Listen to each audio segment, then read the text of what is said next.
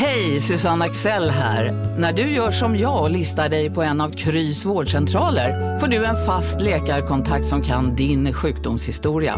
Du får träffa erfarna specialister, tillgång till lättakuten och så kan du chatta med vårdpersonalen. Så gör ditt viktigaste val idag, listar dig hos Kry. Tjena! Charlie Berglund här. Nu är det vår, slutspel och glödhet hockeydramatik. I Hockeyallsvenskans slutspel skapas nya hjältar i jakten på klivet uppåt. Och i SHL, där glöder isen i fighten om SM-guldet. Och i NHL, ja, där närmar sig jakten på Stanley Cup. På ATG.se finns ett brett utbud av spel på allt i alla matcher. Vem vinner? Med hur många mål? Och vem avgör? Det finns massor att välja på hos ATG.se. Du måste vara över 18 år för att få spela. Och eh, vid oro för spelproblem, besök storlinjen.se. Podplay. Härligt att vara tillbaka igen med ännu ett avsnitt av Sanny och Svensson. Hockeyn rullar på för fullt och det är ju, ja, när ni lyssnar på det här, ikväll har ni ju det stekheta match 7 mellan Modo och Björklöven. Självklart kommer vi prata allt om den och slutspelet givetvis och massa sillrykten. Men först Svensson, avsnitt 109. Ja, det var ju antalet utvisningsminuter Emil Kåberg hade i grundserien guldåret 08-09. Givetvis var alla utvisningar helt felaktiga och på tal om utvisningar, det var Sanny Lindström vad han drog på sig 109 utvisningsminuter i Timrå-tröjan 04-05. Ja, alla felaktiga där också. Det är väl Robert Lahtis fel, hälften av dem garanterat. Eh, Tony Mårtensson, han gjorde 109 mål på 412 matcher i SHL. Det har blivit för lite av den här varan på sista tiden, men det är antalet grundseriepoäng som Alexander Wiklund gjort i Björklöven-tröjan. Det, var- det var skönt för dig att köra den va? Ja, Väldigt skönt, väldigt skönt. Ja. Men det, det är dags för Wiklund att steppa upp tycker jag. Djurgårdens seger över Timrå den 22 mars innebar att de bröt sin 109 långa dagar i rad som SHLs jumbo. Och 109 kilometer är avståndet mellan Vimpos arena och Hägglunds arena i Övik och Umeå. En sträcka som jag har åkt ett antal gånger nu känns det som.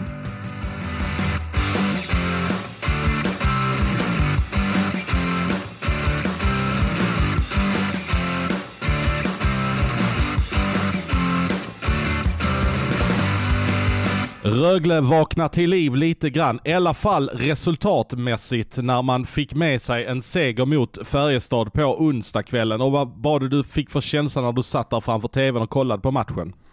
Lite samma känsla som jag hade i Karlstad när jag gjorde den matchen i måndags, att Färjestad är rätt överlägsna stundtals dominanta. Jag tycker inte att Rögle alls har någon, någon fart. Färjestad liksom sköljer över dem. Om man bara kollar målchanser i första perioden så var det 9-2 till Färjestad. Och mellan Rögles tredje och fjärde skott i matchen tog det nästan 19 minuter. Alltså det var ju liksom, det var en total överkörning faktiskt från Färjestad. Men precis som i eh, måndags så är man ineffektiva. Eller om man väljer, väljer att se åt andra hållet, Kristoffer Rifalk, fruktansvärt bra. Ja, jag skulle precis komma in på Rifalk där. Alltså, har han någonsin varit bättre som det känns nu? Nej, alltså den här matchen var han ju lysande. Alltså, jag håller ju honom som en topp tre målvakt i, i sett över grundserien. Så det är klart att han har varit bra.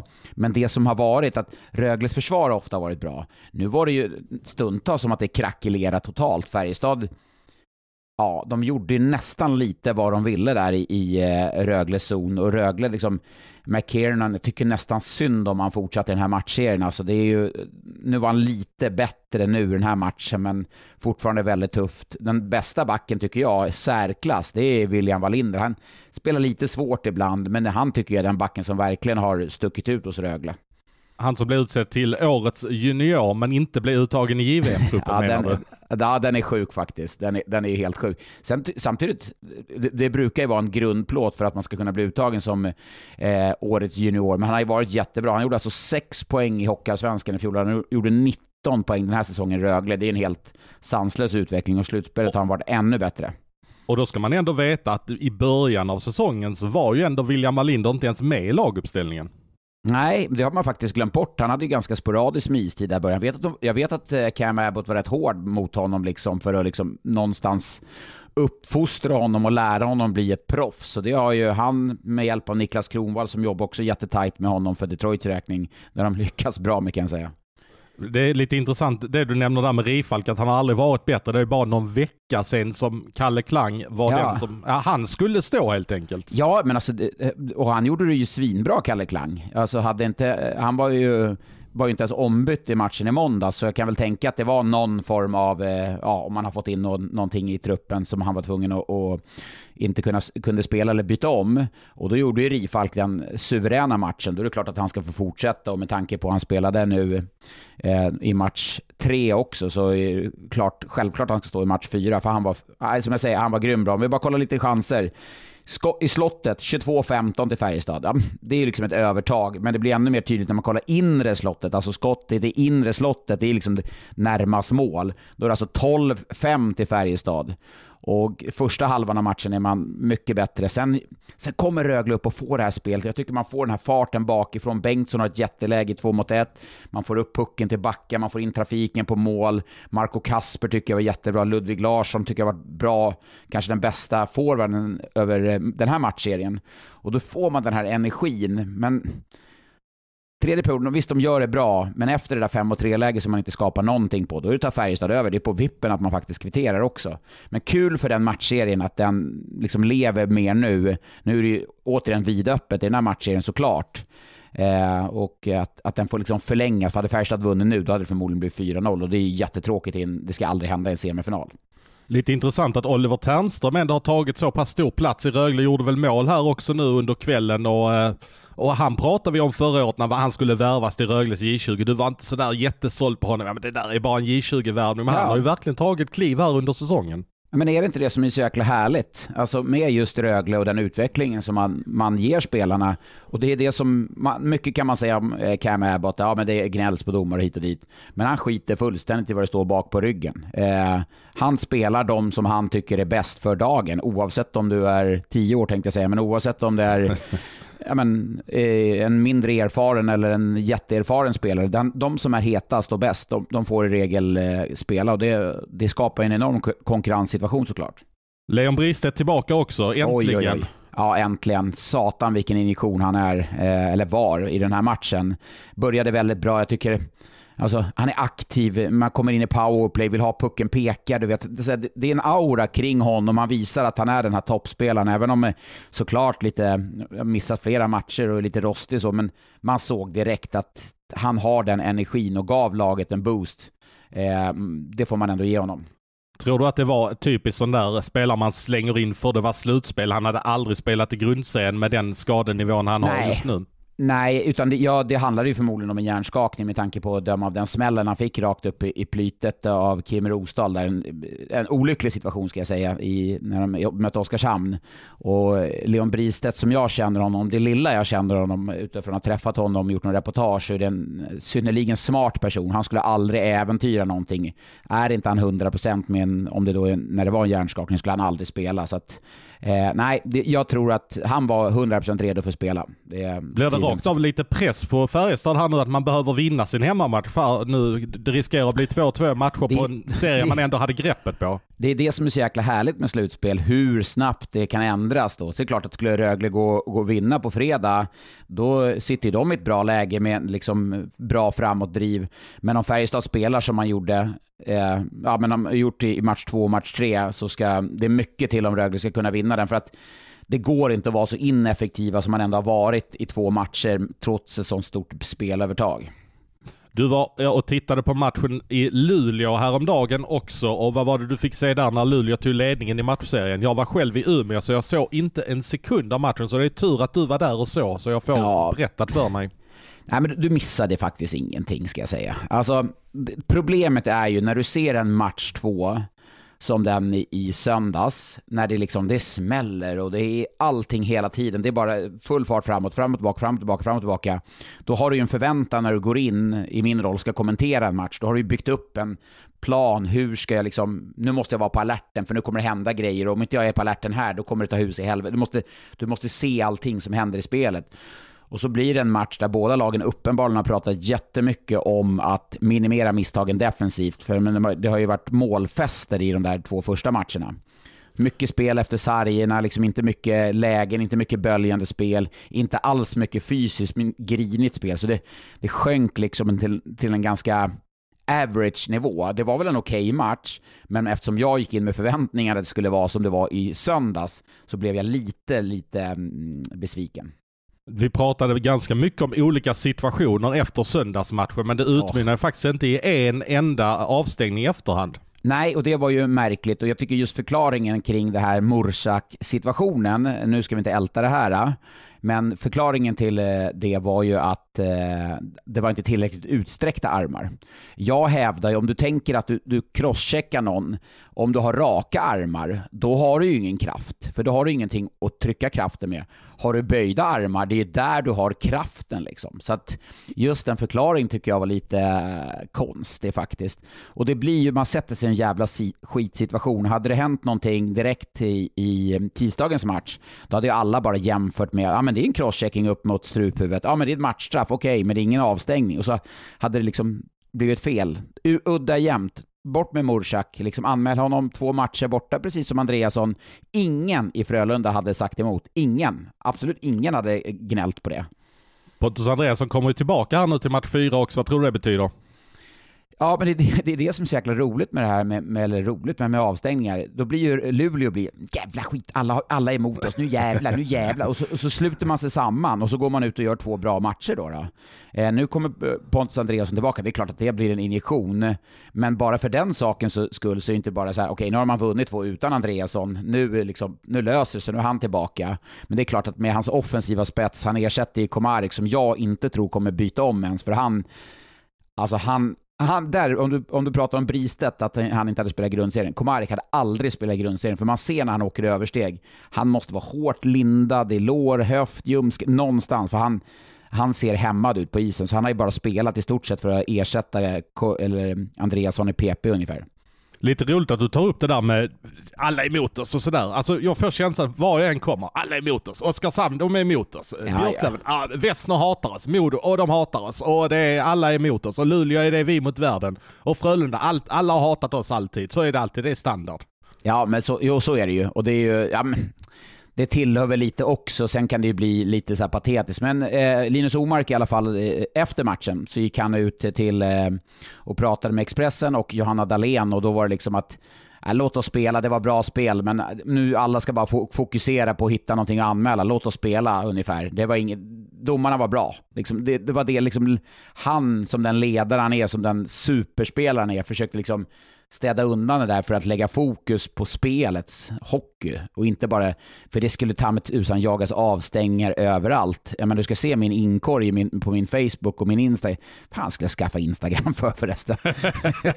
ja, hur går det med den där influencerkarriären? Nej, det, går, det, går, det går sådär, det går inget vidare faktiskt. Det, det, det, nej, det, var inte riktigt den utveckling jag trodde med, med betalda samarbeten. Mycket obetalda samarbeten. Men, eh, men det, är många som har åsikter på att eh, det skulle varit fruktansvärt mycket anmälningar. Men det är bara eh, den Mursak-situationen som, skulle, som jag tycker skulle ha renderat en avstängning.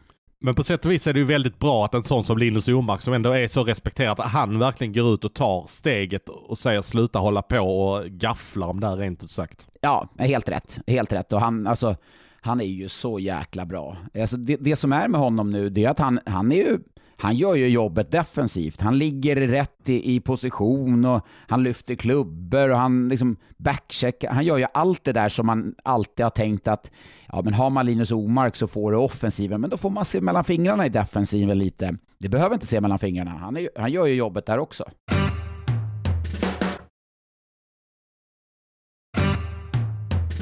Ja, när vi är inne på Frölunda så är det ju konstaterat att det är sista säsongen de spelar med Indianen och eh, nu har man en gång för alla konstaterat vilken logga man ska ha och det blev förslag nummer två som det heter. Det... man bara säger, det blev tvåan, nummer två. Och, och, jag, och jag tycker det är rätt för att jag tycker att den gör sig klart bäst på matchtröjan. Eh, men ja, eh, alltså jag har egentligen, nu tycker jag att det här förförandet eller förfarandet, alltså det har varit rätt så tillvida att det har varit den fina processen där medlemmarna har tagit fram då eh, tre alternativ eller det har så. Men jag tycker, jag tror jag sa det faktiskt när, när de plockades fram, att jag tycker tvåan, först landade jag i den här ettan som supporten hade gjort, men så, den är snygg också. Men tvåan är en sån som finns något historiskt med den också, det historiska vingslaget som det så fint heter. Jag gillar den. Ja, och du får fram lite Skandinavium i den också med de här eh, ränderna som är lite klassiskt Skandinavium. Och jag gillar ju att säga VF eh, om Frölunda också, så att jag, för mig är de Västra Frölunda. Västra Frölunda, klassiskt. Radiosporten, Huddinge, Västra Frölunda, 6-2. De mötte ju Västra Frölunda i Allsvenskan där i ja, du, Det finns faktiskt ett, eh, ett eh, radiosportklipp ute på YouTube eh, från 1990 när de går in i en uh, elitserieomgång. Mats Strandberg sitter i Södertälje, Lasse Granqvist sitter i Globen. Vi har uh, Gunnar Brink sitter nere i Skåne någonstans och så Christer Jonasson uppe i Övik. Ja, naturligtvis Christer Jonasson i Övik. Jag träffade Christer Jonasson i, i Övik. Man, han är lika härlig som han låter på radion när man träffar honom. En så överpositiv människa. Man, man blir bara glad när man träffar Christer. Ja, ja jag, jag träffade också honom nu uppe i Timrå och jobbade där under kvalet. Och, nej, jag, jag, jag håller med. Men du, tillbaka till loggan. Vad säger du? Eh, du tyckte tvåan, eh, det var ju det här att det, var ju, det har ju varit mycket snack om den här loggan. Det har ju skrivits spaltmetrar, det har ju mycket folk har engagerat sig. Men när jag landar in i det så kanske det är mer supportrar till andra lag som har engagerat sig i Frölundas logga, eller? Ja, bevisligen, för det var ju 71 personer som räckte för att vinnare-loggan skulle utses och 68 röstade på tvåan och två personer på trean, så det var ju rätt tajt sådär, men, eh, men eh, det var ju betydligt färre personer än vad jag hade räknat med. Man, eh, för, eh, som jag förstod det då, så var man, hade man varit tvungen att vara medlem i Frölunda i sex månader eh, för att få rösta. Så du hade liksom inte bara nu vill jag bli medlem för att få rösta. Eh, det, var, det är väl en sak. Sen eh, så det är väl alltid de här medlemsmötena, men jag trodde det skulle vara liksom nästan kravallstaket och grejer för att det skulle vara så hett där. Förstår du vad jag menar? Eh. Ja, alltså hade det varit HV så hade det ju kunnat vara väldigt många som röstade, för där var det ju 8000 personer som blev medlemmar i våras, så där har det gått sex månader. Eh, exakt, ja. Nej, men jag, jag, jag, jag gillar loggan. Eh, den, kommer, den kommer bli snygg på den här tröjan. Det, är jag helt övertygad om. Och, jag, och jag bara... gillar att Efraim Larsson var den som tog fram den, för Efraim är en riktigt härlig, eh, härlig individ som engagerar sig i Frölunda, som blev anställd också i Frölunda efter att ha suttit där i många år och jobbat ideellt. Han har suttit framför på pressläktaren och skickat ut grafik eh, när det har varit mål och så vidare. Så han har gjort ett stort jobb. Så jag, jag är glad att han eh, också fick vinna med sin så att säga. Vad skulle krävas för att du tryckte upp den där, tatuerade den på bröstet, liksom, den Frölund, nya Frölunda-loggan? Alltså, vad, vad, vad, alltså vad, skulle du, vad skulle du göra liksom? Ja, det, då skulle jag ha haft en riktigt uh, stor fylla känns det som för att jag skulle göra det. Men det är en sån här grej man skulle kunna säga. Du, nu gick inte Sverige till VM i fotboll, men om Sverige vinner VM-guld, då, då, då tatuerar jag in Frölunda-loggan. den, den med, med händerna eller vad det då, eller den nya nu? Ja, nej, den, nej, nej den, den, den, nya. Kanske var någon som han eh, tatuera in den gamla. Jag, jag säger så här, vinner Qatar fotbolls-VM 2022 så tatuerar jag in indianen, den nya och den som nu blev, eh, inte blev av. Det är mitt löfte. Då har vi en handskakning, en virtuell handskakning på den. Ja, medan jag var uppe i Luleå och gjorde Luleå-Frölunda så satt ju du på en pressläktare i eh, Umeå. Vad, vad är det den hette igen nu, arenan? Den var ju med i introt där. Jag säger, jag säger Umeå Arena eller Skycom Arena, men numera heter den väl Vinpos Arena? Vinpos Arena, Vinpos Arena. Den, den, den, land, det är många av de arenorna visserligen som inte landar så bra när man säger dem, men du var i alla fall där. Eh, bra drag. Eh, och jag, såg, jag har sett highlightsen för den här matchen, ska jag säga. Jag har inte sett hela matchen. Men var det inte, för att vara en avgörande match, var det inte väldigt mycket öppet spel, böljande chanser fram och tillbaka? Det var ju nog den öppnaste matchen av alla så här långt. Eh, det, det rasslade ju till redan efter, alltså Modo gjorde ju 1-0 redan efter typ två minuter och sen så hade helt plötsligt Björklöven vänt och eh, det var lite misstag och sådär. Det, det kändes ganska spänt i lagen också. Eh, Daniel Sylvander gjorde bort sig på, på ett av målen och Nej men det var väldigt öppet spel mellan lagen och med tanke på hur det har sett ut tidigare så välkomnar jag det för det har varit ganska sömnigt vissa matcher mellan lagen när man läste lite på sociala medier och så, så var Modosupporten var att den här matchen gav vi bort. Var det en sån match eller var Björklöven det bättre laget? Nej, men jag håller med om att eh, Modo eh, gav bort det. Eh, det, det. Som jag sa, Daniel Sylvander hade ju en, jag ska inte hänga ut Daniel Sylvander, nu gör jag det hur mycket som helst, men, men det var att Modo gav bort, för jag tycker att Modo kom lite enklare till de heta lägena. Det krävdes inte så mycket för att de skulle komma till chanserna. Så att jag var ju inne på när vi pratade sist att jag, jag ville ju att Modo skulle stänga det för att eh, för final... Har du också valt att bli egen? Då är det viktigt att skaffa en bra företagsförsäkring. Hos oss är alla småföretag stora och inga frågor för små. Swedeas företagsförsäkring är anpassad för mindre företag och täcker även sånt som din hemförsäkring inte täcker. Gå in på swedea.se företag och jämför själv. Hej, Synoptik här. Hos oss får du hjälp med att ta hand om din ögonhälsa. Med vår synundersökning kan vi upptäcka både synförändringar och tecken på vanliga ögonsjukdomar. Boka tid på synoptik.se. en skull eh, så vill jag inte ha sju matcher, men nu sitter jag ändå här och laddar för en, sju, en Game 7 som det så fint heter. Att, eh, att eh, verkligen brinna för den nu. Men det, ja, det ska bli jäkligt roligt. Jag fick sms här direkt på slutsignal från min gode vän Björn som är eh, trogen HV-supporter. Han säger det är snudd på osport att HV71 inte får veta vilken motståndare man ska scouta inför finalen förrän på torsdag. Och så fortsatte han. Man bör, man, man bör se över upplägget. Så här var det inte tänkt. en kaxig HV-supporter eller? ja, det kan man lugnt säga. Men äh, det kommer ju bli, alltså jag menar de kommer ju spela på torsdagskvällen och jag ger mig tusan på att det blir en sudden death så de är väl färdiga vid 11-snåret.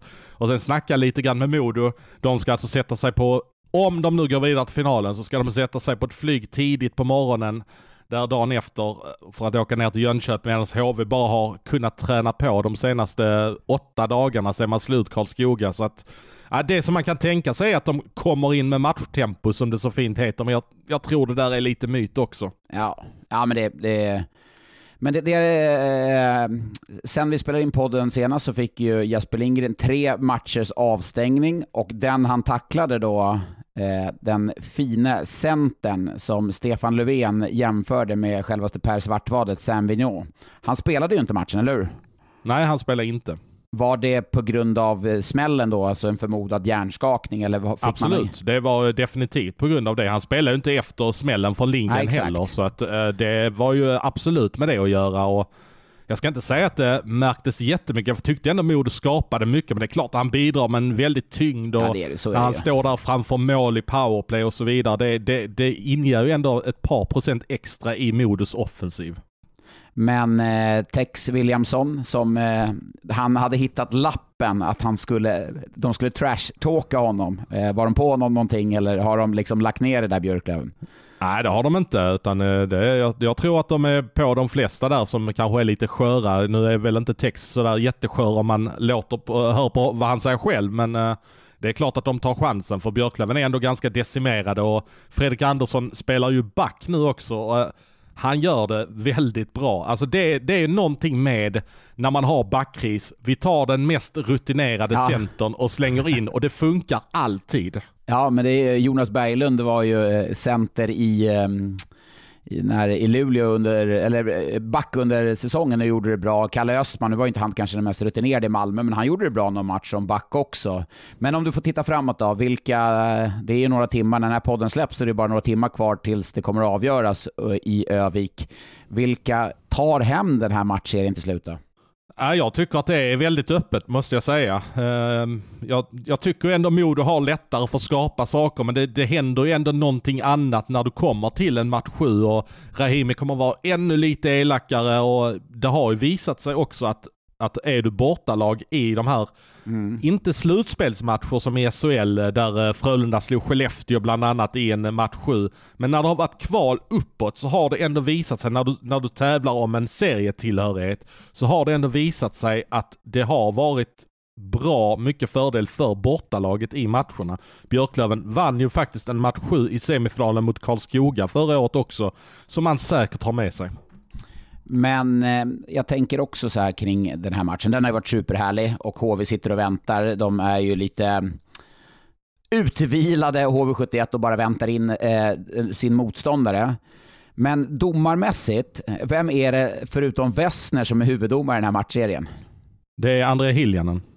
Alltså han måste ju haft den enklaste resan någonsin. För alla de som gnäller på domaren, det är bara Wessner eftersom det är så känt namn. förstår du? Ja, ja, ja. Alltså det, det fanns ju en man som, eh, som sitter där och har suttit på sin plats i Umeå och han satt ta med tusan konsekvent i 60 minuter och bara Wessner jävla skit, Wessner det är bara Wessner, det är bara Wessner. Ja, men tänk dig, då har han suttit på den här platsen när de har mött Karlskoga genom åren liksom och, och reta sig på Wessner och nu ska den här jäkeln döma, döma hans lag också. Men, men, det är bara när man läser så här, Wessner, hur kan Wessner ta den här? Det är kanske inte ens Wessner som är där, men hur, hur kan han ta den ut? Det är kanske inte är Wessner som tar den, men det är bara Wessner, Wessner, Wessner. ja, nej, det, det, du har en väldig poäng i det måste jag säga. Eh, tror du att Wessner är en SHL-domare på, eh, på sikt? Eh, jag tror att det kommer dröja lite grann för att jag vet att eh, SHL och Hockeyallsvenskan värderar det lite olika. Eh, om man tittar på de eh, domarna som har varit i... Det är bara för att du vill få mig att säga domarna, eller hur? Nej, nej. Jag vill komma till en sak. Att det är en jävla åldersdiskriminering faktiskt på domarna. Jaha, okej. Okay. Vad, vad det, tänker du? Det finns ju någon gammal regel. Är du 50 bass så får du, då, då, ehm, då ska du inte döma i, i SHL. Ja, nej men så är det ju. Men, men Per Claesson fick ju fortsätta nu ju. Jo, precis. Men vad är det för töntig regel? Det ska väl vara de bästa domarna, oavsett om det är eh, Ja, vad finns det för några som är, eh, ja men Sjöberg som var tvungen att lägga av nu då, men eh, Nord om han eh, om ett gäng år blir 50 och fortfarande är den bästa domaren, Linus Ölund, Björk, förstår du vad jag menar? Det är ju helt idiotiskt. Och då tänker jag Westner, han är ju, han är ju plus 40 liksom. Han är 82 ja, så att ja, han, han fyller ju 40 år så att säga. Ja, men ska han då liksom, ska han komma upp i SHL, då kanske det blir en åldersdiskriminering däremot. Och ska då, ja, ska nej, man... men det, det, finns, det finns verkligen, men jag skulle komma till det att det finns en en olika värdering i det. Hockeyallsvenskan bedömer just det här med att Westner är en, en stark profil och det finns en respekt ute bland spelarna. Inte på läktaren, men bland spelarna Nej. för Westner. Men att han, man anser att han är en av de bättre, men tittar man på vilka det är som har fått chansen i SHL så är det ju Kristoffer Folkstrand, Alexander Österberg, eh, Johan Vedin. Eh, de är ju precis som du säger också, de är ju lite yngre än vad Westner det är. Det, är, du... det är en jävla åldersdiskriminering, det är det det handlar om. Och hur ska du då få, de vill ju ha spelare som ska bli domare. Och spelare, jag menar Daggen nu, de lägger ju av, de spelar ju ett tag. Och så tar det några år innan man då har kommit upp till Hockeyallsvenskan. Och då är det, säger du, runt 40, ungefär 40-strecket. Och då kommer det yngre domare som uppenbarligen då är, om man ska få säga sämre än Westner. För att Westner borde ju vara den bästa domaren då, om han dömer den här matchserien och kanske till och med en finalserie. Ja, nej men jag håller med att eh, uh, Westner, jag tycker, och det hade ju varit bra också för då, då slipper man också det här med BIK Karlskoga-kopplingen om nu inte de studsar upp i SHL. Jag, jag, jag tycker att Westner har den pondusen och den trovärdigheten ute bland spelarna och det är helt säker på att han även har bland SHL-spelarna. Så definitivt upp med Westner i SHL. Då får jag sätta, på mig på den, eller sätta mig på den höga hästen och säga åt att skrota åldersdiskrimineringen nu.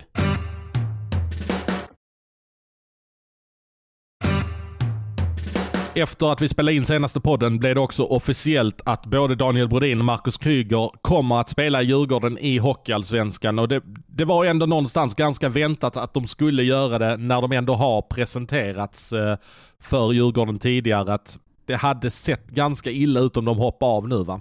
Ja, eller ja, på sätt och vis. Liksom. Det blir ju ett, en tydlighet att det är ett Djurgårdshjärta. Sen kom det ut uppgifter om att, Mar var att Marcus Kryger skulle tjäna, jag tror det var Aftonbladet som skrev att han skulle tjäna 175 000. Och det, då, då fick, eh, eftersom jag skrev att det fanns något så fint som klubbhjärta när de väljer att komma hem. Visst, 175 i Hockeyallsvenskan, det är ju svinigt mycket pengar, men då ska man veta att han, Kryger, hade säkert kunnat gå till Linköping eller Örebro eller något lag nära Stockholm eller Brynäs för den delen och säkert kunna tjäna en 300 i månaden. Utan, utan ja, absolut. problem. Det, ja, ja, ja. Alltså, det är ju de pengarna vi pratar om. Det finns ju ändå en uppoffring, sen är det fortsatt mycket pengar. Men det jag menar, här får du ju det du saknade den här säsongen, när du inte hade någon ledare i laget. Det fanns, det fanns ingen ledare i gruppen, det varit ju väldigt tydligt under säsongens gång, och framförallt i kvalet. Det får du ju, en, liksom, du får ju kaptenen i Marcus Kryger. Ja, precis, jag skulle precis säga det, att han känns ju som den helt givna kaptenen. Även om nu Ludvig Rensvedt blev kvar, som man ändå får hedra för det han gjorde efter att de åkte ur. Men Precis. nog tusan är det Marcus Kryger som ska bära c Absolut, och så blir det också naturligt med Daniel Brodin som är den liksom härföraren, om man får säga det, i spelet. Och nu kan du liksom, redan nu kan man väl liksom nästan banka fast att du kan ha en första kedja med Tim Söderlund, Brodin och Kryger. Jag menar, det är ju, på hockeyallsvensk mått mätt så är det en jäkla bra första kedja. Ja det är det och jag hör ju även att man försöker med John Norman också som jag vet att man försökte ganska hårt med eh, när man eh, var ett SHL-lag också. Norman har väl varit i Jokerit de senaste Exakt, ja. fyra, fem åren men lite stagnerat rent poängmässigt. Nu ska man ju veta att John Norman väl, har väl aldrig varit den här riktiga poängspelaren men man har ju ändå sett någon form av nedåtgående kurva som ändå säger någonting. Ja, och det hade väl varit en perfekt eh, liksom en Djurgårdskille att få hem eh, till Stockholm. Eh, då vill vi sätta den prägen på, på laget igen och få en kärna med Stockholmsspelare.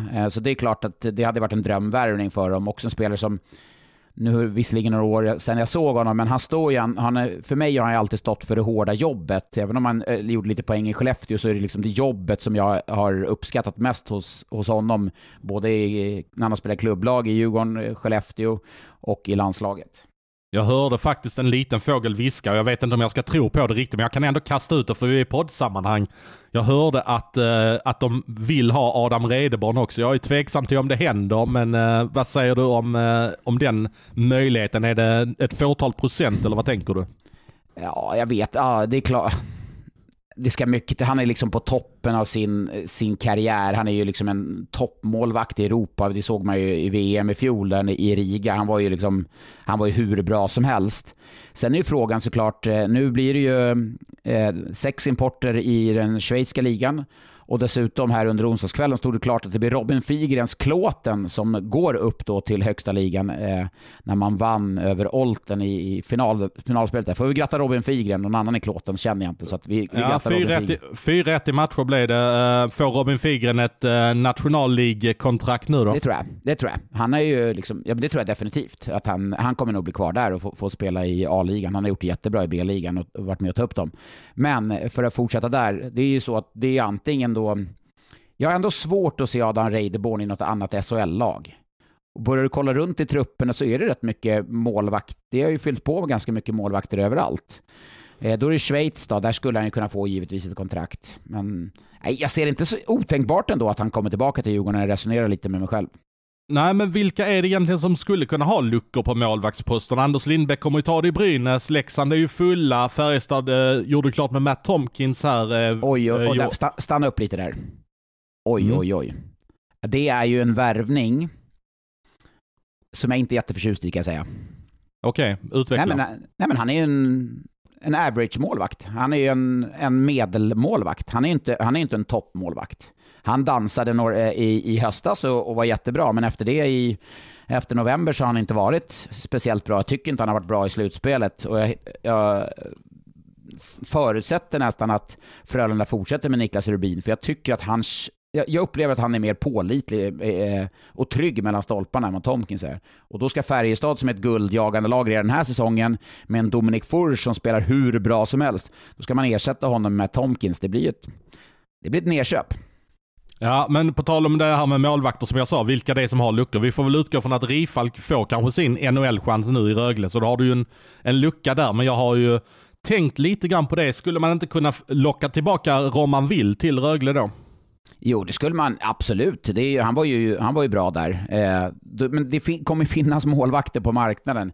Men det är frågan om Reideborn, vill han ner till Rögle? Absolut, han kommer ju ha chansen att vinna och gå där. Men den, den är lur, när du säger den är lurig, han har ju ett stort Djurgårdshjärta, Stockholmskille, skulle kunna liksom få en stor hjälteroll. En säsong i Hockeyallsvenskan, vara med och ta upp klubben. Det hade ju varit mäktigt för hans karriär och för hans status i Djurgårdskretsar. Silly Season rullar ju på lite grann eh, bakom kulisserna. Jag hör att Olle Liss också, som eh, har varit i Björklöven i tre säsonger har det varit nu. Han har ju en eh, skånsk sambo som han träffade när han var nere i Rögle. Jag hör att eh, han uppvaktas lite grann av Kristianstad och eh, det ska vara en liten Rögle-maffia som eventuellt ska spela där med Elvenäs. Jag hör att Filip Karlsson skulle kunna hamna där. Jag hör att Jakob Bundesson är klar och då får man väl ändå utgå från att det är Mick Gart som ändå är väldigt förknippad med Rögle som kanske drar ihop en liten Rögle-maffia där kul satsning ändå. Eh, man tänkte att det ska bli liksom ett sönderplock av det där laget, att nästa säsong så får man liksom börja från början igen eh, helt och hållet. Men får man in de spelarna så, så ser det ju rätt intressant ut. Ja, och Kristoff Kontus, Vimmerbyfostrade Kontus, jag hör att han eh, troligtvis försvinner ut i Europa dock. Det är han ju väl värd att få tjäna lite pengar efter sin fina karriär här i Sverige. Ja, det, det, det är han även om han säkert, han gick ju inte helt i Vimmerby, gick han, hade han väl säkert ett hyfsat pröjs liksom. Det är ju, ja, såklart. det är en klubb som är kända för att betala pengar. Nästan Vimmerby uh, höll jag på att säga, men Daniel Norbe, uh, där har du en som är från, jag tror han är från Växjö i grunden. Det vill säga att det ändå är Vimmerbys upptagningsområde. Absolut. Där, de som, de som inte platsar i Vimmerby, de går ju till de här Växjöklubbarna, kransklubbarna. Ja, lite så här Tingsryd, Växjö, eh, Bor, Vetlanda och så vidare. Nej, jag hör att Daniel Norrby är ute på marknaden. Jag kan tänka mig att en klubb som typ Södertälje eh, tittar på eh, en sån som Norbe, Emil Georgsson, får väl mm. kanske välja på en lite högre hylla. Eh, kan tänka mig också att Västervik eh, är på honom, att han då får kanske rollen som en första back i eh, kommande säsongs eh, lag. Han, eh, Viktor Öhman och han är ju svågrar också, så att då kanske Viktor Öhman värvar honom om han nu blir sportchef i Västervik. Just det, när du ändå öser på. Har du något mer sill innan vi avslutar den här torsdagspodden? Ja, vi kan väl fortsätta också att det finns en kille som heter Blaine Byron som spelar i tyska ligan i Eisbären Berlin och har gjort mycket poäng där. Hör att han är högaktuell för SHL och det skulle till och med kunna vara klar. Jag eh, hör att det är Oskarshamn som troligtvis... jag skulle precis säga Oskarshamn. Ja, de är aktiva vet du. De värvar från en högre hylla nu också. Eh, och, men där får man säga det att han har ju rätt fina stats i, eh, i tyska ligan. Ja, vad har, shoot, vad har han, Byron. Vad har han då? Vad han, har han den här gångna säsongen eller dessförinnan också? Ja, när jag tittar på hans Elite Prospects-profil så noterar jag att han gjorde 42 poäng på 43 matcher i, um, i Eisbären Berlin och är en center född 1995 så det är en bra ålder på honom också. Ja, ja det är bra. Fan, du, Elite Prospects, det är, det är det bästa som har hänt alltså. Helt allvarligt. Kan du bara alltså, komma på dig själv att du sitter, nu är du på ett hotell, är det Övik eller eh, Umeå förresten? Jag befinner mig i Umeå nu. Ja, är det stora hotellet i Umeå förresten? Jag befinner mig på Clarion Collection Uman. Jag tror det är samma hotell som Viktor Stråle har inkvarterat sig på. Jag tyckte mig höra det. Jag har inte träffat Stråle under tiden jag varit här, men eh, det är lite så familjehotell där man får lite mat som ingår i priset och så vidare. Ja, då, då trivs du. Men du, hur kan du komma på dig själv att sitta där på hotellrummet i Umeå och bara surfa bort på Elite Prospects om man landar in på en sån här äh, draften 93 eller något sånt här? alltså det händer ju förhållandevis ofta att man gör det alltså. Jag tänk, kan tänka mig att du är likadan också. Ja, men tänk om man varje gång man går in på Elite Prospects hade ringt en klocka, då ska man öppna en bok, någon sån här faktabok och läsa. Fan vad smart jag hade varit då alltså. men jag brinner lite lite grann för att eh, skicka in lite stats som inte stämmer. Är det någon materialare som inte har, eh, har rätt på sin eh, sida så skicka in, ja men han var minsann i eh, i uh, Luleå 1996 uh, och var materialare där. Nu är det ju Greppa som är Greppa, det i Luleå. Men, Ja, nej, men du, ja, du är så alltså. Du är, lite, du är lite Bror Duktig där på, på Elite Prospect alltså. Ja, man har ju den möjligheten när man är premiumanvändare att man kan hjälpa till lite också. För du är väl också premiumanvändare på Elite Prospect? Alla, ja men det, premium är ju A och O på den sajten. Det är ju, nu, det, det här är ju, ska jag säga, lite o, o, eh, obetalt samarbete med Elite Prospect. Ja, det får vi säga. Men du, på tal om Elite Prospect. Jag såg på Elite Prospect, jag fick en notis skickad till mig. Jag får lite sådana notiser på uh, transfers som, uh, som sker i uh, olika övergångar i Sverige. Och då fick jag från Division 1, Karlskrona har ju värvat Alexander Bergström och tidigare har de värvat Filip Kruseman. Karlskrona gör en liten satsning där. Jag menar Bergström gjorde ändå 31 på 31 i den tyska ligan säsongen som gick. Ja, va, det är ju det är bättre poängsnitt än vad den här Blaine hade där i Icebergen ju. Exakt, exakt. alltså, du ser. Ja, nej, men det är väl kul att, att han väljer att komma hem till Karlskrona och göra den liksom kommer hem och får träna med sin eh, fystränare Miro Salar och, och vara en ledare och kanske vara med och föra dem uppåt lite i tabellen. Jag tycker jag annars att eh, Karlskrona i Hockeyettan har rätt hög svansföring sett till det man presterar. Man ser sig själv som ett topplag, vilket man absolut inte är. Men du, på tal om Hockeyettan, Hudiksvall har skaffat sig ett riktigt rejält grepp nu i den kvalserien också. Du följer den där kvalserien ändå. Du, du, skulle ju slopa den och du var ju så arg sist. Så ja, jag var arg, men jag vill ju ändå se och, så att jag kan bli ännu mer arg. Jag, det, det, är nästan bara hamra in faktiskt att Hudik kommer gå upp. De har en väldigt eh, duktig tränare. Man hör mycket gott om honom i Dennis Hall där som, eh, som är tränare för Hudik och han har gjort ett väldigt bra jobb.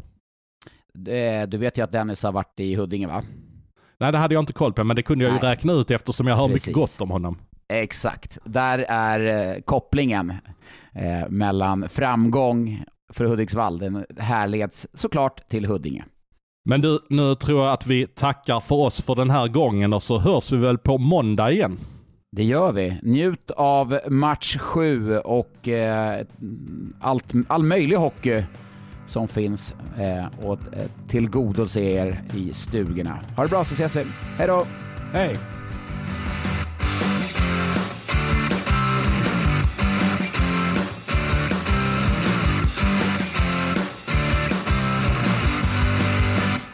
Du har lyssnat på en podcast från Expressen.